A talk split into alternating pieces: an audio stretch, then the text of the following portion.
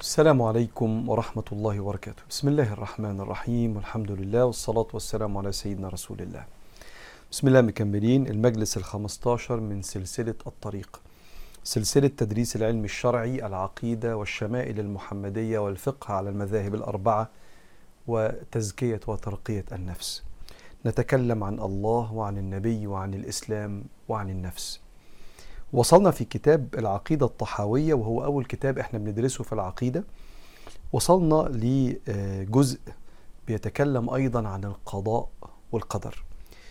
وبفكر حضراتكم إن إحنا بندرس العقيدة الطحاوية وهو أحد أشهر كتاب كتب أهل السنة في العقيدة للإمام أبي جعفر الطحاوي المتوفى سنة 1 2 3 321 هجرية. وهو من أشهر الكتب اللي تقبلته الأمة الإسلامية وأهل السنة بالقبول ودي عقيدة أهل السنة زي ما بيقولوا واتشرح في عشرات الشروح على مدار التاريخ منذ وفاة الإمام سنة 321 آه وصلنا للكلام عن القضاء والقدر والكلام في القضاء والقدر خطر. خطر ليه؟ لأن هو في جزء مرتبط بالتسليم مش الاقتناع العقلي. والعقيدة بتشرح أركان الإيمان الستة وبعض العقائد الأخرى أو بعض المعاني الأخرى اللي المفروض الإنسان يعتقدها ويسلم بيها. والإيمان بأركان الإيمان الستة محل القلب مش محل المنطق أن تؤمن بالله وملائكته وكتبه ورسله واليوم الآخر والقدر خيره وشره. والغيوب دي كلها لا تدركها الحواس الخمسة. لأن علم الشهادة أو عالم الشهادة هو العالم اللي أنت بتدركه بحواسك. أما ما وراء عالم الشهادة الذي يعلمه الله عالم الغيب والشهادة الإنسان بيسلم بيه. بعد ما بيقتنع بعقله بوجود الله وفي دلائل عقلية كثيرة واتكلمنا في بداية كتاب العقيدة عنها بعد ما بتقتنع بوجود الله بتبدأ تستمع من الله سبحانه وتعالى اللي انت اقتنعت بوجوده وأن لهذا الكون خالق وأن هذا الخالق فيه صفات الإله الكامل. فلما المسلمات دي ترسخ تبدأ بعد كده يبقى أسهل بالنسبة لك أن تؤمن باللي ربنا بيطلبه مننا أو اللي ربنا بيوعد بيه بتطمن ليه. كل ده مبني على يقينك. الذين يؤمنون بالغيب. وحتى في بداية سورة البقرة لما ربنا قال يؤمنون بالغيب قال الإيمان بالغيب الأول اللي طلع منه الأعمال الصالحة ويقيمون الصلاة ومما رزقناهم ينفقون. والذين يؤمنون بما أنزل إليك وما أنزل من قبلك وبالآخرة أدي ركن من أركان الإيمان هم وبالآخرة هم يوقنون. أولئك على هدى من ربهم وأولئك هم المفلحون. فلما توقن بوجود خالق لهذا الكون هذا الخالق كتب أقدار معينة. هذه الأقدار اللي ربنا كتبها فيها أثر صفات ربنا. يعني ما فيهاش ظلم لأن مش من صفات ربنا الظلم. ما فيهاش تسرع أو طيش لأن مش من صفات ربنا الطيش أو التسرع. ما فيهاش محاباة لأحد على حساب أحد لأن من صفة ربنا العدل والرحمة والقرب والود للعباد.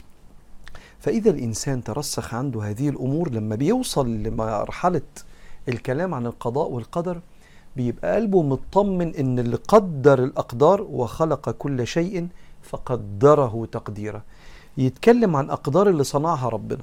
كان العربي زمان يسأل هو مين اللي هيحاسبني؟ فيقول له لو حاسبك ربنا. يقول الحمد لله. ليه الحمد لله؟ مش يحاسبك أحسن أبوك وأمك الحنينين عليك؟ قال له لأ الله أرحم من الإنسان بأبوه وأمه وأعدل بالإنسان من أبوه وأمه وأقرب للإنسان وأعلم بالإنسان من أبوه وأمه. فالحمد لله أن الرحيم هو اللي هيحاسبني مش أبويا وأمي أرحم الناس بيا.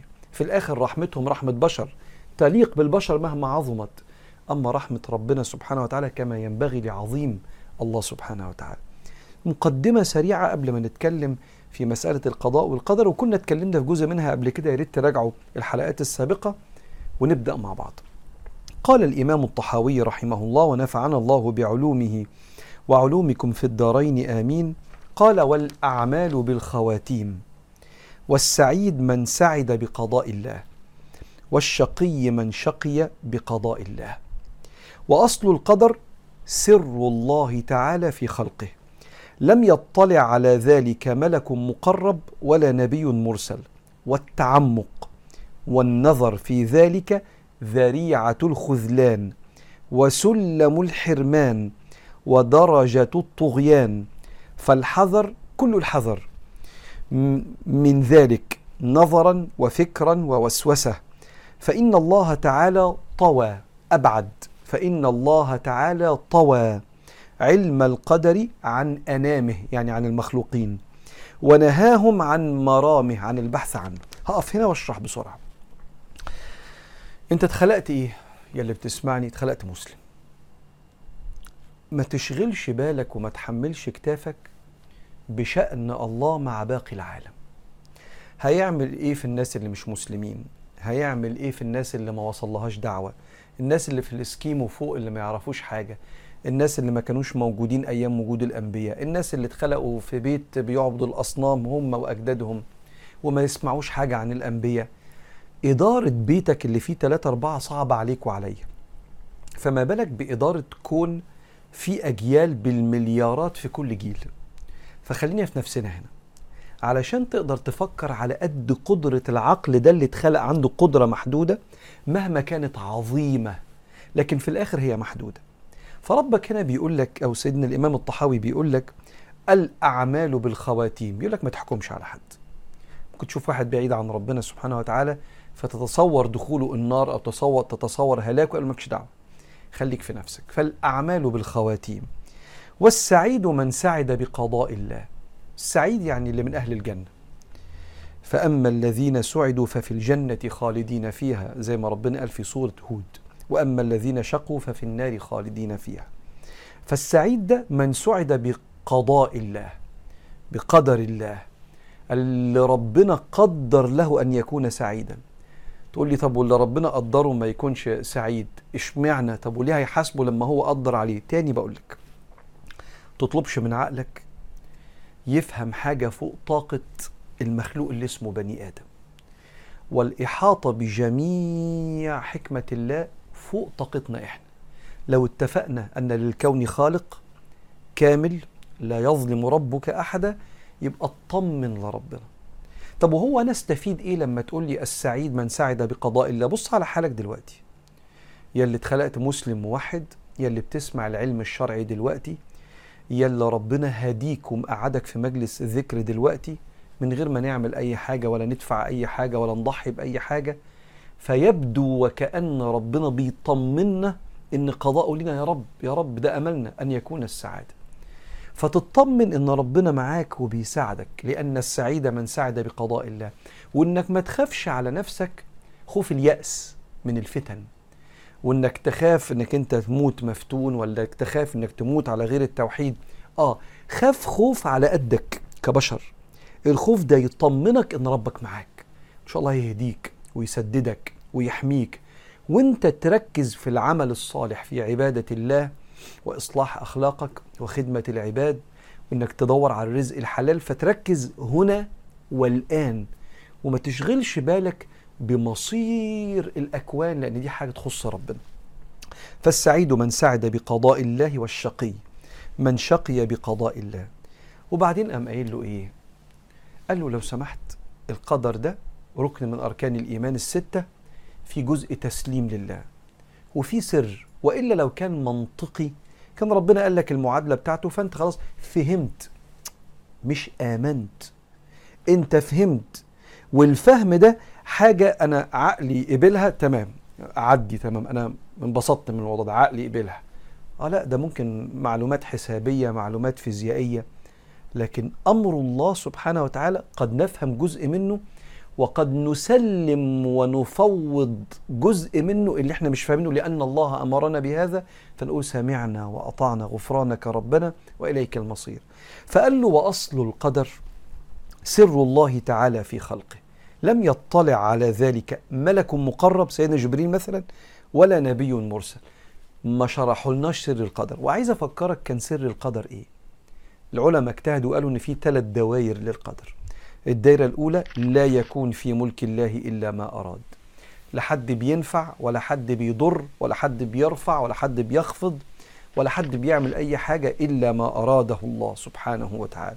أدي دايرة. والدايرة الثانية أنت محاسب على أفعالك واختياراتك. والدايرة الثالثة ولا يظلم ربك أحدا. التنسيق ما بين الثلاث دوائر دول فيهم سر اللي إحنا مأمورين أن نؤمن بيه. واللي بيعرف يصطلح يتصالح. ويؤمن بأن لا يكون في ملك الله إلا ما أراد فما بيخافش من حد لأن كله تحت سلطان ربنا.